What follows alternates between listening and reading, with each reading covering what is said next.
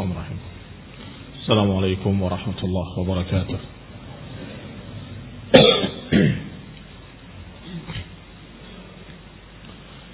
إن الحمد لله نحمده ونستعينه ونستغفره ونعوذ بالله من شرور أنفسنا ومن سيئات أعمالنا من يهده الله فلا مضل له ومن يضلل فلا هادي له وأشهد أن لا إله إلا الله وحده لا شريك له وأشهد أن محمدا عبده ورسوله صلى الله عليه وعلى آله وأصحابه والتابعين وتابع التابعين ومن تبعهم بإحسان إلى يوم الدين يا أيها الذين آمنوا اتقوا الله حق تقاته ولا تموتن إلا وأنتم مسلمون.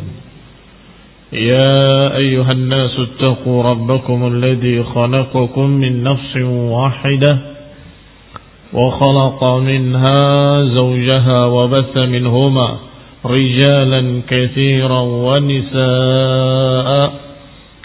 واتقوا الله الذي تساءلون به والأرحام. إن الله كان عليكم رقيبا. يا أيها الذين آمنوا اتقوا الله وقولوا قولا سديدا. يصلح لكم أعمالكم ويغفر لكم ذنوبكم. ومن يطع الله ورسوله فقد فاز فوزا عظيما. أما بعد فإن خير الحديث كتاب الله وخير الهدي هدي محمد صلى الله عليه وعلى آله وسلم وشر الأمور محدثاتها فإن كل محدثة بدعة وكل بدعة ضلالة وكل ضلالة في النار fi din, a'azakumullah. Kaum muslimin yang saya hormati. Kita lanjutkan kajian kitab Syarh Sunnah dari Imam Abu Muhammad Al-Hasan ibn Ali Al-Barbahari rahimahullah dengan syarahnya dari Syekh Shalal Fauzan hafizahullah sampai pada ucapan musannif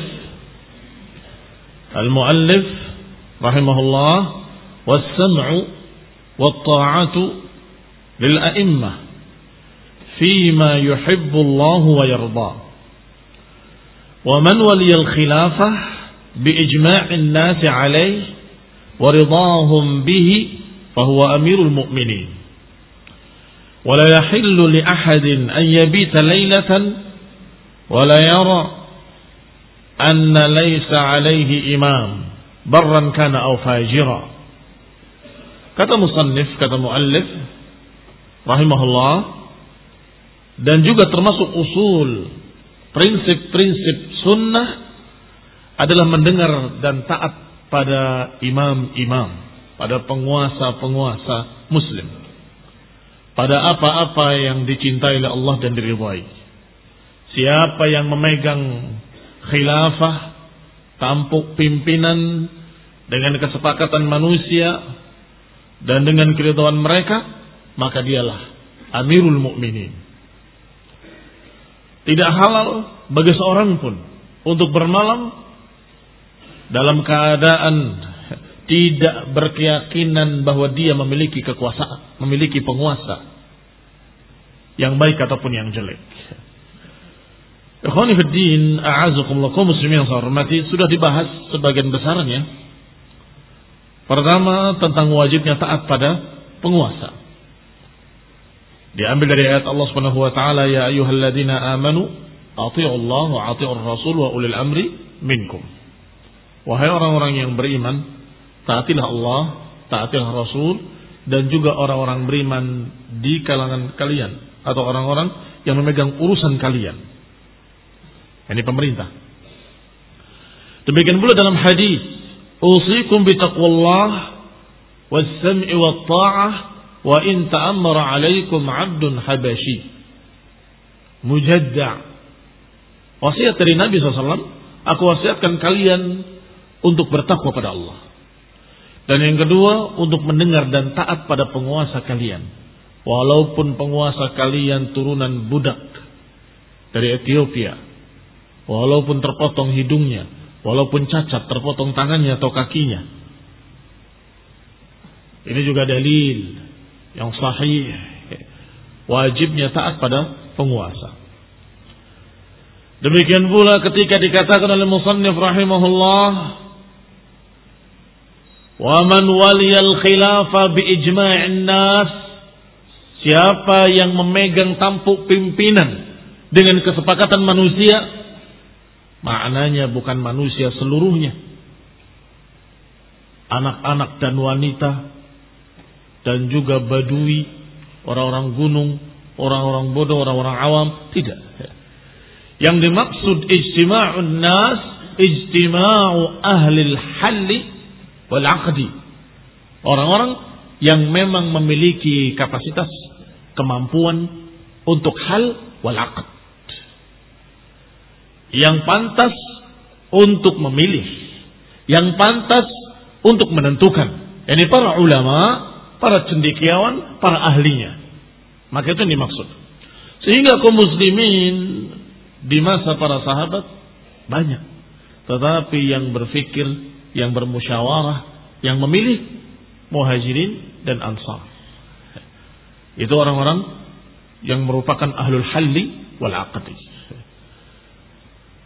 Qala dikatakan wa man wali al khilafah bi ijma'in nas wa ridahum bihi dan keriduan mereka yakni keriduan ahlul halli wal aqdi dan sudah dibahas pula oleh Syekh Al-Fauzan dalam syarahnya bahwa pemilihan khilafah ada berbagai macam bentuk-bentuk yang semuanya syar'i. Apakah dengan kesepakatan ahlul halli wal aqdi seperti apa yang pertama terjadi ketika para sahabat muhajirin dan ansar sepakat memilih Abu Bakar sebagai khalifah dan itu yang sahih yang sahih yang rajih bahwasanya beliau dipilih dengan musyawarah. Yang kedua, bisa juga terjadi kepemimpinan dengan al-ahd. Dengan wasiat dari khilafah yang lama untuk khilafah yang baru. Kalau saya mati, maka pengganti saya adalah fulan. Seperti yang terjadi pada Abu Bakar Siddiq ketika akan wafatnya memilih Umar sebagai gantinya. Setelah aku Umar. Dan bisa juga terjadi dengan diberi alternatif pilihan sebagaimana Umar Ibn Khattab radhiyallahu taala anhu memilih enam orang. Beliau berkata, "Pilihlah dari enam ini dan jangan keluar daripadanya." Salah satu dari dia. Maka terpilihlah Uthman Ibn Affan radhiyallahu taala anhu. Maka sampai kita pada ucapan terakhir dari muallif Qal la yahillu li ahadin an yabita lailatan wa la yara an laysa alaihi imam. Barran kana aw fajira. Tidak halal bagi seorang pun untuk bermalam semalam saja dalam keadaan tidak berpandangan, tidak berpendapat adanya imam. Yang baik maupun yang jelek. Artinya tidak boleh seorang bermalam semalam pun dalam keadaan dia berlepas diri dari penguasanya dan tidak meyakini ada penguasa. Menurut saya penguasa tidak sah dan saya berlepas diri daripadanya. Saya enggak berbayat, saya enggak. Ini yang dikatakan ya bit lailatan wala yara an laisa alaihi imam. Hadhihi mas'alatun muhimmah. Kata Syekh Shalal Fauzan dalam syarahnya, ini masalah penting. Muhimmatun jiddan Penting sekali bahkan. Bahwa tidak boleh bagi seseorang untuk keluar. Melepaskan dirinya dari jamaah kaum muslimin. Melepaskan dirinya dari ketaatan. Wa syuqqa ta'ah. Yang berarti dia memecahkan tongkat ketaatan. Dan memecahkan tongkat persatuan Fa'innahu in fa'ala dhalik. Karena siapa yang melakukan seperti itu, wabata lailatan walaisalahu imam, kemudian dia bermalam dalam keadaan tidak merasa memiliki imam, maka dia akan lepas dari ikatan keislaman di lehernya. Sebagaimana disebutkan dalam hadis yang sahih bahwa Rasulullah menyatakan siapa yang melepaskan diri dari bayatnya faqad khala'a ribqatal Islam min 'unuqih. Berarti dia melepaskan ikatan keislaman dari lehernya. Kau muslimin yang saya hormati. Sebelum kalian mengkafir-kafirkan manusia, pahami dulu apa makna lepas dari ikatan keislaman. Bima'na, kata Syekh Al-Fauzan hafizahullah, maknanya annahu kana ma'al muslimin, maknanya orang tadi tadinya bersama muslimin dalam satu jamaah. Kemudian ketika dia keluar dari ketaatan kepada penguasanya, fa'innahu qata'al irtibat. Berarti ketika itu dia memutus hubungan. Yang tadinya dia terkait dengan jamaah kaum muslimin dan penguasanya, yang tadinya dia dalam keadaan satu bersama kaum muslimin dan penguasanya, tiba dia tiba-tiba dia terlepas. Apa mana ribqah? Ribqah itu seperti penggembala yang mengembalakan kambingnya karena khawatir kambingnya akan lari sana kemari, maka masing-masing kambing tadi diikat di lehernya dengan ikatan-ikatan-ikatan dan kemudian disatukan dengan satu tali, dia pegang. Kalau ada yang lepas dari ikatan tersebut, apa yang terjadi pada kambing-kambing tadi? Kata Shalal Fauzan, hafizahullah, bahwa kambing yang lepas dari ikatan itu, dia menuju bahaya. Imma dia terprosok dalam jurang, atau dia dimakan serigala, atau dia mendapatkan berbagai macam kejelekan-kejelekan. Tidak aman. Tidak lagi di bawah pengawasan pengembalanya. Ini azakumullah Makna lepas dari ribqatal Islam artinya dia lepas keterikatannya dengan Islam dan kaum muslimin. Berarti dia terancam dengan sekian macam mara bahaya. Kita kembali kepada ucapan Syekh Shalih Fauzan hafizahullah. Qala misal sigharil aghnam seperti kambing-kambing kecil alati yuj'al laha hablun mumtad yang biasa diikat dengan tali yang menjulur Wa fihi darakatun tudkhal fiha ru'usu sigharil ghanam. Yang tali-tali tadi memiliki rimpah. Ada lingkaran-lingkaran yang dimasukkan ke kepala kambing-kambing tadi dimasukkan ke lehernya. Litahfadhaha min untuk dipelihara, dijaga dari doya, jangan sampai hilang. Wa yusammar ribqa dan itulah yang dikatakan dengan ar-ribqa. Fashabbaha ijtima'ul muslimin ala imamin bidzalik. Maka diserupakan bersatunya kaum muslimin dengan penguasanya diserupakan seperti ikatan-ikatan tadi pada kambing-kambing tadi.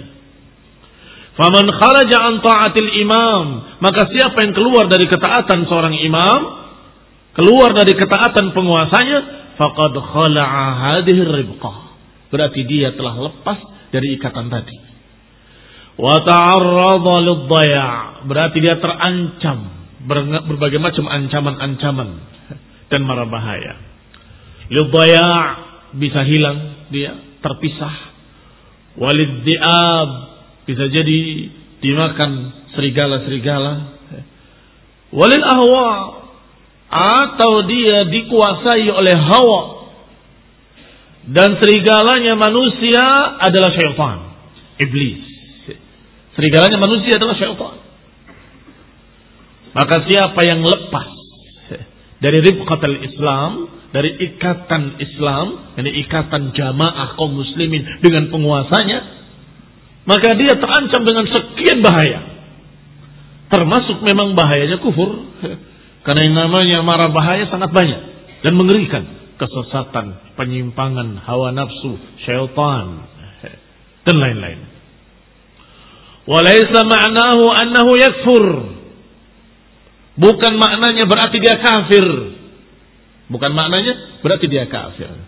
Sama dengan hadis yang menyatakan siapa yang lepas dari bayat di lehernya mata mitatan jahiliyah. Siapa yang lepas dari bayat maka dia matinya mati jahiliyah. Itu pun bukan kafir. Itu pun maknanya bahwa dia matinya seperti mati jahiliyah. Orang-orang jahiliyah mati dalam keadaan tidak memiliki pemimpin. Mati dalam keadaan liar. Mati dalam keadaan asi. Bermaksiat. Dan itu diucapkan oleh sekian ulama. Termasuk An-Nawawi rahimahullah dalam syarah beliau. Bahwa makna mata mitatan jahiliyah, mati jahiliyah adalah mati dalam keadaan asi. Kenapa dikatakan jahiliyah? Karena kejelekan maksiatnya sama dengan jahiliyah. Masyarakat jahiliyah adalah masyarakat liar yang tidak memiliki pemimpin. Sedangkan masyarakat Islam adalah masyarakat yang terpimpin. Masyarakat yang dalam keadaan mereka diatur dengan berbagai macam aturan-aturan yang baik. Dalam keadaan mereka tidak liar, memiliki pemimpin dan taat pada pemimpinnya. Maka siapa yang lepas dari bayatnya Siapa yang keluar dari ketaatan pada penguasanya, siapa yang melepaskan diri dari jamaah muslimin wa imamahum, berarti dia lepas dari bayat dan berarti dia lepas dari keterikatan. Maka sama matinya seperti matinya orang jahiliyah, tidak punya pemimpin. Sama matinya seperti orang jahiliyah, mati dalam keadaan liar, tidak memiliki pemimpin. Ikhwani fiddin, a'azakumullah. Maka dikatakan oleh Syekh Shalal Fauzan hafizahullah, "Wa laisa ma'nahu annahu yakfur." Maknanya bukan kafir.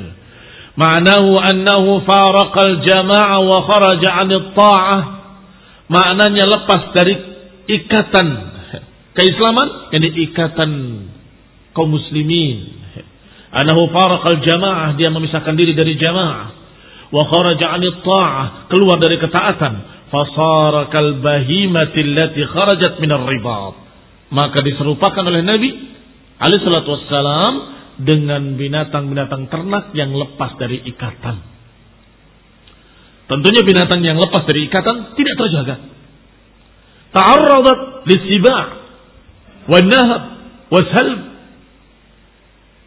binatang ternak yang lepas dari ikatannya terancam dengan sekian marah bahaya terancam dengan binatang-binatang buas, serigala atau lainnya, bisa dirampas, bisa dicuri, bisa hilang, bisa terprosok dalam jurang, bisa segala macam. Wala yaqul ana ma imam. Dan jangan salah seorang kalian berkata, saya kan gak bayat. Atau dengan istilah orang di sini, saya kan gak ikut milih. Kenapa saya suruh taat? Jangan.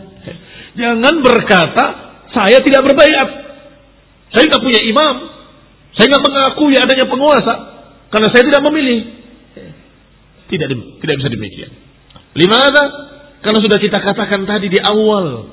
Bahwa yang namanya pemilihan itu adalah oleh ahlul halli wal aqdi. Para ahlinya, para pakarnya, para ulama, para cendikiawan.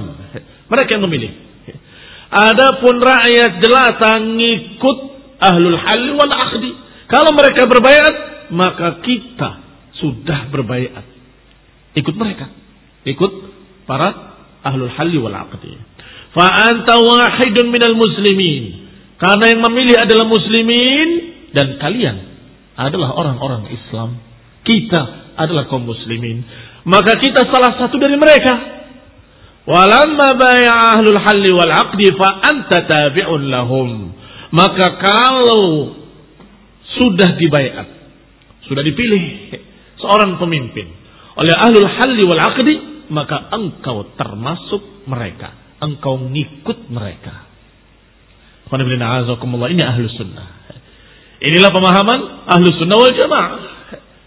Walaupun mereka dalam keadaan tidak ikut memilih karena merasa bukan kapasitas saya untuk memilih. Tetapi ketika sudah dipilih oleh mereka, kita ngikut. Dan kita terapkan semua hadis-hadis Rasulullah SAW untuk taat pada penguasa, untuk menghormati penguasa, untuk tidak melepaskan diri dari ketaatan pada penguasa, untuk tidak memisahkan diri membuat negara dalam negara, dan seterusnya. Semua diterapkan. Dan ancaman-ancaman juga diterapkan. Barang siapa yang melepaskan diri dari ketaatan pada penguasa, maka mati-mati jahiliyah. Lepas ribqatul Islam min unuqih. Terancam dengan sekian ancaman-ancaman. Maka itu semua diterapkan pada penguasa yang sudah terpilih. Walaupun engkau dan saya atau kaum sebagian kaum muslimin tidak ikut memilih. Karena memang yang pantas untuk memilih adalah ahlul halli wal aqdi. Qala al-muallif rahimahullah. Kemudian muallif berkata lagi, wal hajju wal ghazwu ma'al imami madin. Wa salatul jum'ati khalfahum jaizah. Wa yusalli ba'daha sitta raka'atin yafsilu baina kulli rak'ataini. Hakadha qala Ahmad ibn Hanbal. Setelah dibahas wajibnya ketaatan pada penguasa, maka muallif berkata, rahimahullah, wal hajju wal.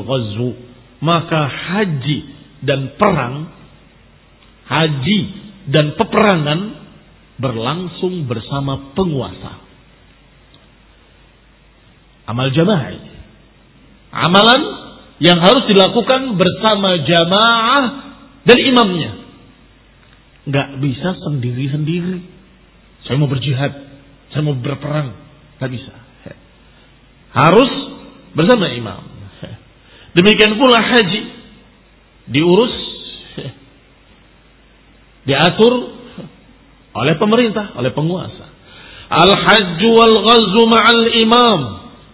Yang namanya haji dan jihad, haji dan peperangan itu berlangsung bersama penguasa dan salatul jum'ah wajib dikatakan jaizatun salatul jum'ati khalfahum jaizah. Dan salat Jumat di belakang mereka sah. Barran kana au fajira? Apakah dia barran ataupun fajira? Kalau barran tiada pertanyaan. Kalau ternyata imamnya orang soleh selesai. Bagaimana ternyata orang fasik? Kemudian imam di salat Jumat Apakah sah? Salat dia buat dia, salat kalian buat kalian. Nilainya di sisi Allah masing-masing. Sallu khalfa kulli barin wa fajir. Salatlah di belakang orang baik ataupun orang jelek. Salat kalian buat kalian, salat mereka buat mereka. Disebutkan dalam syarahnya oleh Syekh Shalal Fauzan hafizahullah. Salahiyatul imam katsirah wa mahallu isqa'iha wa jam'iha wal ittila'i 'alaiha al ahkamu sultaniyah. Peranan seorang penguasa sangat banyak. Peranan penguasa dan pemerintah hak-hak mereka itu sangat banyak. Dan tentunya tempat untuk menyebutkan satu persatu hak-haknya dan peran-perannya, peranan-peranannya untuk mengumpulkannya, untuk mengkajinya, itu ada bab tersendiri, ada kitab tersendiri, yaitu kitab Ahkamus Sultaniyah. Hukum-hukum tentang ketatanegaraan. Hukum-hukum tentang sultaniyah. Allati ulifat fi Yang ditulis oleh beberapa ulama fi dalam masalah ini. Dalam masalah apa hak penguasa, apa peranan mereka, apa yang harus dilakukan oleh mereka, bagaimana kewajiban rakyat, itu semuanya dibahas di dalam al-ahkam as-sultaniyah. Misal al-ahkam as-sultaniyah lil Mawardi. Di antaranya ada kitab Ahkam Sultaniyah yang ditulis oleh Al-Mawardi rahimahullah. Dan juga ada Al-Ahkam Sultaniyah yang ditulis oleh Abu Ya'la Al-Hambali. Dan masih ada lagi kitab-kitab lain yang ditulis oleh para ulama dalam masalah hukum-hukum ketatanegaraan atau hukum-hukum penguasa. Fi hadha fiha bayanu salahiyatil imam. Di sana akan dibahas peranan-peranan para penguasa. Wa hadha madhkurun fi kutubil fiqh. Kalaupun tidak dikhususkan dalam kitab khusus akam sultaniyah, kadang-kadang bahkan sering kali disinggung pembahasannya dalam kitab fikih. Setelah membahas toharoh, salat, puasa, haji, sampai masalah perdagangan, pernikahan, biasanya di akhir atau sebelum terakhir, sebelum masalah fitan, biasanya dibahas masalah-masalah ahkam sultaniyah. Hukum-hukum tentang masalah yang seperti itu. Dalam hampir semua kitab-kitab fikih. Wa fi kutubil aqaidi aydan. Bahkan disinggung pula dalam kitab-kitab akidah. Mengapa disinggung dalam kitab akidah? Padahal masalahnya masalah hukum. Ya. Biasanya disinggung dalam masalah akidah atau dalam kitab-kitab akidah karena keyakinannya, prinsipnya merupakan prinsip-prinsip akidah ahlussunnah wal jamaah. Ada rinciannya dibahas dalam fikih. Tetapi poinnya mentaati penguasa tidak boleh memberontak kepada penguasa, tidak boleh menghalalkan darah mereka, Wa injar, walaupun mereka zalim, ini adalah satu prinsip, satu usul, satu akidah yang harus diyakini oleh setiap muslim sehingga dibahas di alam akidah. Seperti yang sedang kita bahas ini. Kitabnya Syarh Sunnah membahas prinsip-prinsip akidah Ahlus Sunnah. Ternyata disinggung dalamnya satu masalah khusus yaitu wajibnya taat pada penguasa dan kemudian disebutkan sedikit saja tentang apa peranan penguasa mengatur haji, mengatur masalah perang. Nggak bisa dengan parsial sendiri-sendiri mengadakan peperangan atau mengadakan satu jihad. Tidak bisa. Harus bersama penguasa.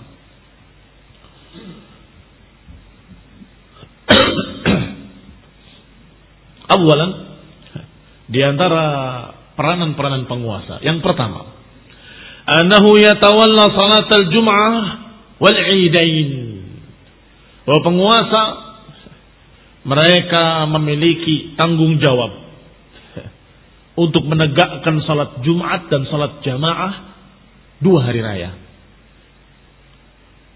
Kalau saja ini dipegang oleh seluruh kaum muslimin di Indonesia, aman tentram. Enggak ada lagi hari raya beda-beda. Ada yang Hari ini, ada yang besok, ada yang kemarin, bahkan ada yang dua hari sebelumnya sudah berhari raya. Seakan-akan nggak punya penguasa. Seakan-akan mereka hidup liar, nggak punya pemimpin. Maka dikatakan oleh para ulama, para imam, imam ahlus sunnah, bahwa yang namanya penguasa bertanggung jawab untuk mengurusi sholat jamaah, sholat jumat, sholat idain, dua hari raya. Wa yusallil muslimuna khalfahu dan kaum muslimin salat di belakang penguasa. Illa an yaktara huwa. Kecuali kalau penguasa itu sendiri yang memilih orang lain. Dia berhak. Sebagai penguasa, dia imam. Maka dia yang mengimami salat. Kalau dia merasa tidak mampu atau merasa kurang ini dan kurang itu, kemudian dia memilih silakan. Maka siapa yang dipilih oleh penguasa untuk mengimami, maka dialah orang yang berhak untuk mengimami salat Jumat dan mengimami salat Idain. Wa yukhlifa min al-ulama aw min talabatil ilmi man yusalli bin nas. Kecuali kalau penguasa itu memilih seorang dari kalangan ulama atau dari kalangan pelajar-pelajar talibul ilmi untuk mengimami, maka silahkan. Lakin al-asla anahu ahaqqu bil imamah. Tetapi hukum asalnya salat Jumat, salat hari raya itu adalah haknya penguasa. Fil Jum'ati wal Idain. Dalam masalah salat Jumat dan dalam masalah salat dua hari raya. Fa in istakhlafa man yaqumu bihadza falahu dzalik. Kalau kemudian penguasa tersebut menyerahkannya kepada orang lain, maka itu tidak mengapa. Wahada alaihi amalul an dan itu yang berlaku sekarang ini atau sampai sekarang ini. Yang kedua, di antara peranan penguasa, waladhi yuqimul hajj. Mereka lah yang mengatur urusan haji. Wa yaqudul hajij yang membimbing orang-orang yang akan haji, mengantarkan dalam safar untuk haji wa yata'ammar alaihim wa yandur membimbing mereka dan melihat hajat-hajat mereka keperluan-keperluan mereka, muskilah-muskilah, problem-problem yang terjadi pada mereka, semuanya diurus oleh penguasa.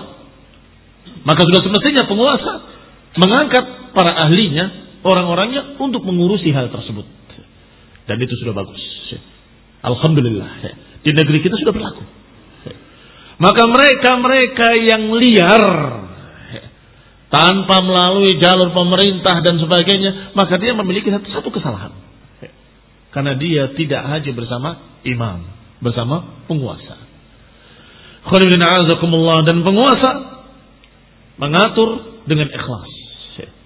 Membimbing mereka, mengarahkan mereka, dan mempersiapkan semua kebutuhan-kebutuhan mereka atau memberikan fasilitas untuk mereka.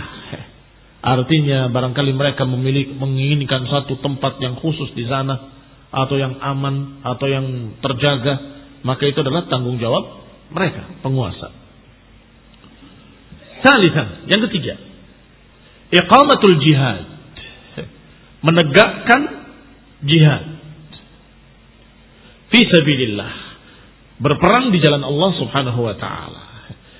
Wa hadha aydan min salahiyatil imam. Ini juga termasuk peranan penguasa atau haknya penguasa.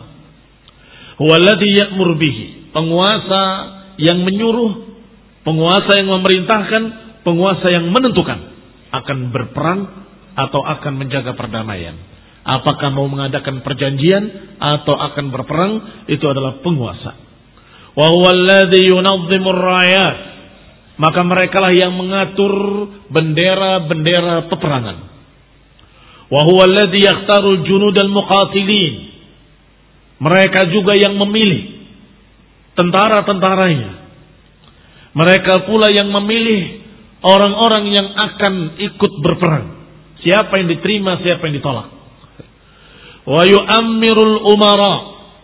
Penguasa pula yang mengatur pemimpin-pemimpinnya Pemimpin di pusat, pemimpin di daerah, pemimpin di sana, pemimpin di sini, pemimpin tertinggi, pemimpin yang di bawahnya, yang di bawahnya, yang di bawahnya, semuanya hak mereka, hak penguasa untuk menentukan pimpinan-pimpinannya. Wa yujannid saraya wal. Demikian pula ketika mengirimkan pasukan. Mengirimkan pasukan ke sebuah negeri atau tidak mengirimkan pasukan itu juga haknya penguasa. Wa yusallihil mujahidin dan yang mempersenjatai para mujahidin yang berjihad di jalan Allah Subhanahu wa taala juga penguasa. Wa yuwajjihuhum ila ghazwil adu yang mengirim mereka mengarahkan mereka untuk melawan musuh juga penguasa. Wa yu'ayyinu lahumul jihad yang menentukan arahnya, yang menentukan posisinya, juga penguasa. Alati yadzunaha, posisi-posisi yang akan ditempati dan mana yang akan diperangi. Fal jihadu min salahiyatil imam, maka yang namanya jihad termasuk haknya penguasa. Dan itu salahiyatil imam, peranan para penguasa. Walaisal jihadu fawda, Kata Syekh Fauzan, yang namanya jihad bukan fawda, bukan kekacauan. Berlima bawa senjata, kita mau jihad. Yang di sana 10 orang mau jihad. Yang di Poso sekian puluh orang mau berjihad. Yang di sana sekian orang mau berjihad. Tidak bisa. Tidak bisa liar seperti itu. Kaum muslimin mengakui bahwa mereka dipimpin. Kaum muslimin bukan masyarakat liar, maka mereka berjalan bersama penguasa. Kalau penguasa mengirimkan pasukannya bergabung dengan 20 negara Islam, Masya Allah, maka berangkat. Kalau ternyata tidak, yaitu hak mereka. Itu adalah hak mereka. Fayuhmilu kullu man arada hamlus silah wa yaqtulu wa yahjumu wa yaqul ana ujahid fi sabilillah maka tidak bisa berjihad dengan sendiri-sendiri masing-masing membawa senjatanya kemudian masing-masing berperang ingin membunuh sana, membunuh sini, ingin meledakkan yang di sana, meledakkan yang di sini, wayahjum, menyerang dan berkata, "Ana ujahid fi sabilillah." Aku sedang berjihad di jalan Allah. Kalla wallah. Tidak demi Allah, itu bukan jihad. Itu kekacauan. Itu bukan jihad, itu adalah pengacau keamanan. Hadza laysa jihad fi sabilillah. Kata Syekh Shalal Fauzan hafizahullah, hadza laysa jihadan, itu bukan jihad fi sabilillah. Al-jihad fi sabilillah munazzamun wa madbutun bi dawabit syar'iyyah. Yang namanya jihad fi sabilillah, yang namanya berperang di jalan Allah diatur dengan keteraturan yang rapi, dipimpin dengan kepemimpinan, wa madbutun bi dan diatur dengan sekian hukum-hukum perang. Jangan dikira perang nggak ada aturannya. Ada bab khusus. Bab masalah jihad. Di dalam kitab-kitab fikih. Dan tidak sedikit. Bukan pembahasan cuma satu lembar, dua lembar. Sekian ratus halaman membahas tentang masalah hukum-hukum perang. Siapa yang boleh dibunuh, siapa yang tidak boleh dibunuh. Bagaimana tentang pampasan perang? Bagaimana apa yang harus ditebas dengan pedang-pedangnya? Disebutkan, diatur. Dan apakah boleh mencacati musuh atau tidak boleh mencacati musuh? Diatur. Apakah boleh mengadakan gencatan senjata atau tidak boleh? Itu semua ada aturannya, ada hukum-hukumnya dalam Islam. Qala Amma idza dakhalathul fawda sara takhriban. Kalau tanpa pemimpin, maka yang terjadi adalah fawda, kekacauan, maka itu bukan jihad. Itu yang disebut dengan takhrib. Takhrib itu pengerusakan. Wa sara dararu akthar min naf'ih. Kalau pengerusakan madaratnya lebih besar daripada manfaatnya. Madaratnya lebih besar daripada manfaatnya. Yang terjadi justru kekacauan-kekacauan. Kaum muslimin gelisah. Masyarakat ketakutan. Ini bukan jihad. Ini justru membuat takut kepada kaum muslimin. Maka itu namanya teror. Itu namanya teror. Barakallahu fikum. In kana fihi nafa. Kalaupun ada manfaatnya, kita katakan madaratnya lebih besar, lebih banyak. Apalagi kalau ternyata nggak ada manfaatnya sama sekali. Seperti peledakan di Tamrin atau peledakan di masjid Mapolres di Cirebon. Apa manfaatnya? Mengerusakannya, nah. Madaratnya azimah.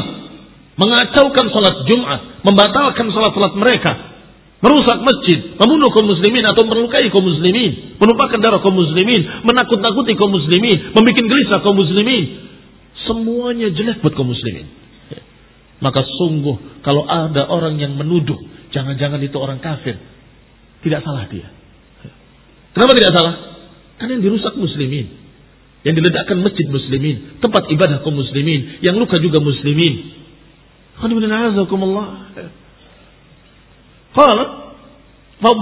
Najim anhu akthar. Maka dararnya an-najim yang muncul dari perbuatan mereka, jihad-jihad liar ini tadi, dararnya akthar, madaratnya kerugiannya lebih besar. Fal umuru laha dawabit. Maka perkara-perkara ini memiliki aturan-aturan. Wal jihadu amruhu azim. Yang namanya jihad urusannya besar. Yahtaju ilam dibab. Butuh kehati-hatian. Butuh ketelitian. Butuh kepemimpinan. Butuh aturan. Betapa sering terjadi Orang-orang yang berperang, mereka hancur sendiri tanpa ada campur tangan musuh karena ketidakteraturan. Hancur sendiri. Yang di sana tidak tahu kalau di sini kawannya. Begitu mendengarkan suara senjata, mereka langsung tembak. Selesai. Mereka saling menembak sendiri dalam karena tidak tahu siapa mereka. Ternyata muslimin melawan muslimin. Mengapa demikian? Tidak ada pemimpin. Liar. Dan itu yang terjadi di ISIS dan sekitarnya. Mereka mengaku mujahidin. Di sebelahnya ada mujahidin Suriah. Di sebelahnya ada mujahidin lagi. Di sebelahnya ada mujahidin. Mereka saling berperang. Merasa kalau yang di sana bukan kami, maka mereka musuh. Ini azakumullah. Tidak ada keteraturan adalah kekalahan. Sudah terbayang di hadapan mata akan terjadi kekalahan. Ila bi ahkamil jihad. Dan juga harus terikat dengan aturan-aturan jihad. Al-madhkura fil kitab was sunnah. Yang sudah disebutkan dalam kitab dan sunnah dan juga dalam ucapan para ulama laisal amru fawda urusannya tidak seenaknya urusannya bukan kekacauan bukan masing-masing boleh berjalan sendiri. Tetapi yang namanya jihad fi sabilillah ma'al imami madin barran kana aw fajira. Tapi pemerintah kita tidak mau menegakkan jihad. Selamat kalian. Tidak terkena kewajiban jihad. Selamat kan? La tatamanna liqa al-adu. Jangan berharap bertemu musuh. Wa idza laqitumuhu tetapi kalau kalian temui musuh, jangan mundur. Jangan berharap ketemu musuh. Saya pengen perang, pengen ketemu musuh. Jangan. Jangan berharap ketemu musuh. Khawatir ketika ketemu musuh kalian belum siap. Jangan berharap ketemu musuh. Tetapi kalau kalian sudah menemui musuh, maka jangan mundur. Tentunya bimbingan ini menunjukkan kalau ternyata belum ada kewajiban jihad, syukurilah. Mungkin kalian belum sampai dan belum tingkatannya untuk berjihad. Tetapi kalau ternyata Nasallahu salam al-afiyah datang waktunya dan pemerintah mewajibkan wajib militer, kalian harus taat. Apakah melawan Syiah Rafidah misalnya? Ya. Atau melawan musyrikin, kufar, negara-negara kafir. Assalamualaikum Tapi kita tidak berharap. Jangan berharap bertemu musuh. Tetapi ketika sudah terjadi, jangan mundur. Ini dibimbingkan oleh Rasulullah SAW dalam sekian banyak hadis-hadis yang sahih. Allah taufiq wal afiyah. Semoga hidayah wa rahmah. Subhanakallahumma bihamdik. Asyadu an la ilaha illa ant. Astaghfiruka wa atubu ilaik. Wassalamualaikum warahmatullahi wabarakatuh.